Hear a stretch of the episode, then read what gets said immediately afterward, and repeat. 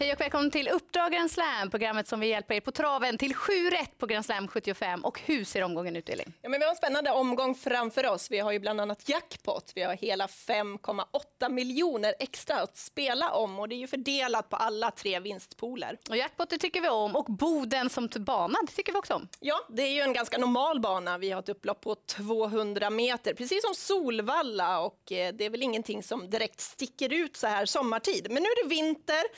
Eh, man har anlagt en vinterbana, det vill säga man spolar upp ett islager ovanpå gruset som är väldigt skonsamt för hästarna, men också lite speciellt. Och en eh, hemmahörande tränare som har väldigt bra koll på vinterbanan på Boden, det är ju Hanna Olofsson här i veckans Bankoll.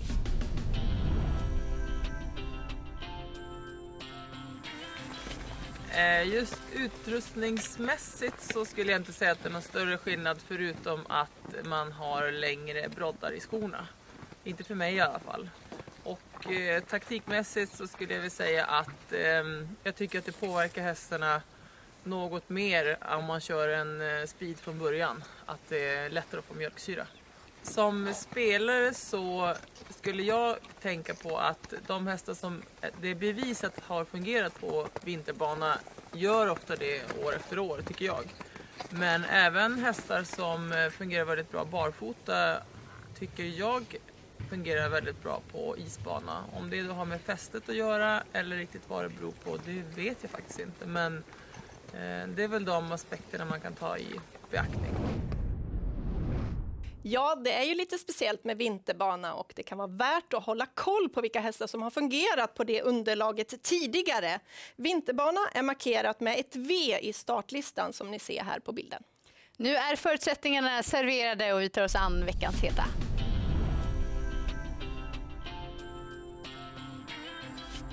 Vi börjar i den första avdelningen med nummer två, Jazz Celebration, som brukar svara för jämna och stabila insatser. Hästen återkom efter fyra månaders frånvaro senast, fick gå och dra tåget till tredje spår redan 700 meter från mål och höll starkt som trea bakom bland annat vinnande Dante Godiva. Det är passande förutsättningar nu med lopp i kroppen, bra startspår och jag tror att han får en fin resa i den främre träffen. Mm, och i den andra avdelningen där har vi ett fyraåringslopp. Mm, och här tror jag vinnaren är nummer sju Speed Lane som bara har haft framspår bakom bilen vid ett tidigare tillfälle. Men öppnade kvickt då och jag tror att Ove A Lindqvist kommer vara offensiv för att kö försöka köra sig mot ledningen. Det är just i den positionen med aktuell kurs som hästen har tagit sina tidigare två segrar. Så det är ett vinnande koncept. Ja, och i den tredje avdelningen där kommer nummer nio Question B ut som numera tränas i Finland och har gjort det under hösten och tävlat eh, väldigt bra där i sin nya regi. Han gör ofta rejäla lopp så trots ett bakspår så tror jag absolut att han kan vinna det här loppet då han tål att göra lite offensiva upplägg. I den femte avdelningen så är det enbart Ston som gör upp och vilken häst tycker du känns hetast på förhand? Utan tvekan nummer tre, Honky Tonk Angel, som kommer med jämn och säker form. Och dessutom så vann hon på Bodens vinterbana senast och gav verkligen det här härliga formbeskedet. Hon kanske är allra bäst när hon får spara speeden, som hon gjorde senast, men hon kan också vinna på många andra sätt. Mm. Sandra Eriksson är en hemmatränare som har haft ett fantastiskt år hittills. 41 i segerprocent till stallet och över 1,5 miljoner kronor inkört. Även kusksiffrorna är imponerande, 21 i segerprocent. Mm, det är bra siffror.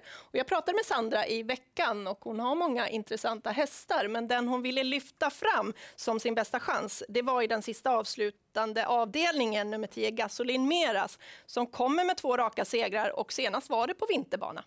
Nu ska vi lyssna till veckans profil som är en annan framgångsrik hemmatränare på Bodentravet, nämligen Hanna Olofsson som går mot sitt bästa år hittills som kusk. Hon har sex egentränare till start denna söndag.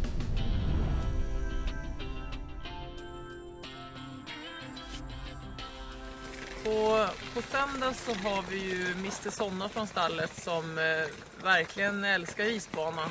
Eh, sen så börjar han bli lite till åren och eh, kanske har passerat lite grann bäst före datum. Så vi får väl se lite grann vart han står, men jag tycker att han ska räknas. Sen har vi även BVT Dakota som än inte har vunnit för mig, men eh, känns fin på isen hemma, men det blir första gången på isbana för mig. Så det, ja, jag tror lite på honom ändå. Ja, Hannas Sonna måste man alltid ta i beaktning denna årstid. Mm, han har inte startat på tre månader, för man har ju medvetet väntat in just isen och han har vunnit fem gånger på vinterbana på nio försök. Ja, det är en rolig skräll att ha med på söndag. Nu vidare till veckans Kalla.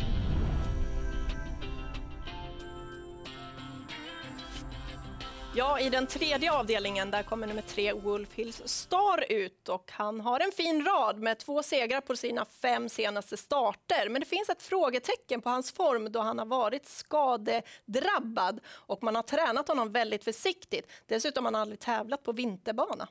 Och I den femte avdelningen så har nummer ett Estelle Ima haft ett fint tävlingsår men hon har spår ett i en spårtrappa denna gång och möter hästar som har tjänat mer pengar. Jag tror dessutom att hon får svårt att försvara sitt innerspår och då är det tufft att begära seger i detta gäng.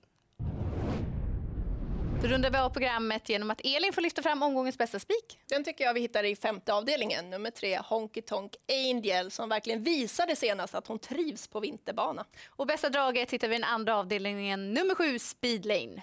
Glöm inte att det är jackpot. Och stort lycka till med Grand Slam 75.